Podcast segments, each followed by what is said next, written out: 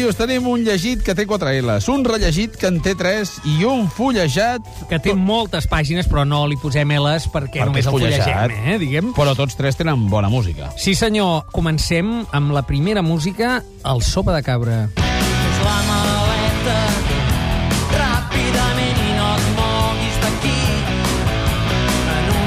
La cançó es diu Fes la maleta, el llibre, La maleta. Sí, senyor, ha estat, eh, diguem, una associació molt directa. És un llibre eh, de Sergei Doblatov. Això ho ha editat en català ara l'Abreu Edicions, traducció de Miquel Cabal, i en castellà es pot trobar metàfora des de fa uns quants anys. Eh, en Doblatov és un dels grans escriptors russos, soviètics, eh, que va fugir de la Unió Soviètica.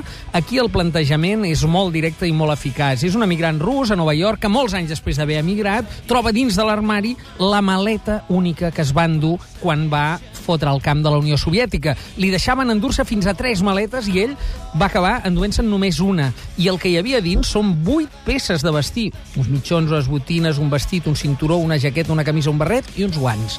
I de cadascun d'aquests, en Doblatov n'explica la història.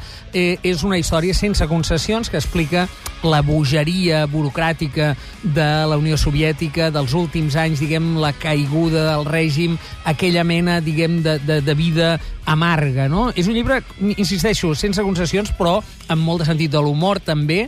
Llibre dur, un llibre interessantíssim d'un dels autors, eh, per entendre'ns, que marquen la, la frontera de la narrativa soviètica o russa del segle XX. Eh, per tant, molt recomanable entrar en Doblatov a través d'aquesta maleta. Mots clau? Aquí tenim Unió Soviètica, tenim exili, tenim memòria, col·lapse també, i tragicomèdia. Children, go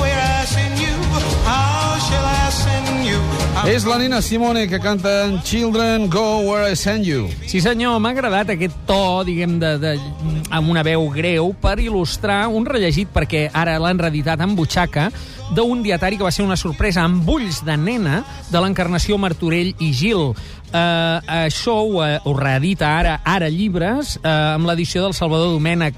L'encarnació Martorell era nena quan la Guerra Civil i uh, va escriure en un dietari uh, amb ulls de nena, com diu el seu títol. Ella uh, estava estudiant al grup escolar Ramon Llull durant la República, tenia, diguem, una quotidianitat de classe mitjana, vivia a Horta, barcelonina, allà al Guinardó, estudiava i de sobte eh, topa, diguem, amb la desolació de la Guerra Civil. Aquest dietari és un testimoni excepcional de com es va viure la guerra, però no pas des de ni la trinxera ni la frontera, sinó ambiental. No? Això va ser rescatat 70 anys més tard per el Salvador Domènech, que el va treure del fons d'un armari, i realment aquesta ingenuïtat li diuen l'Anna Frank catalana i té un punt de cert. És una lectura molt recomanable, amb ulls de nena, encarnació Martorell. Mots clau? Dietari, por, sobretot por, Guerra Civil, Barcelona i Anna Frank. I la Maria del Mar Bonet ens il·lustra el fullejat. Sí, que el Cesc m'acaba de fer notar que quan diu Mercè, ell hi sent Barça. Aviam.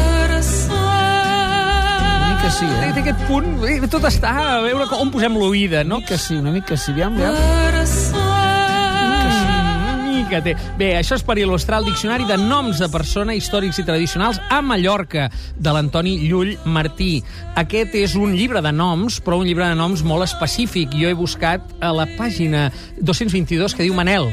I què diu? Diu, forma ocupada d'en Manuel. No l'he trobat referit a mallorquins abans del segle XV. Si bé, dins del XIV hi havia alguns esclaus grecs o d'algun país pròxim orient amb aquest nom, de vegades amb la forma romanesa Manoli. Com m'agrada tenir nom d'esclau. Manoli, eh? D'esclau o d'esclava, t'estic veient jo ja, eh?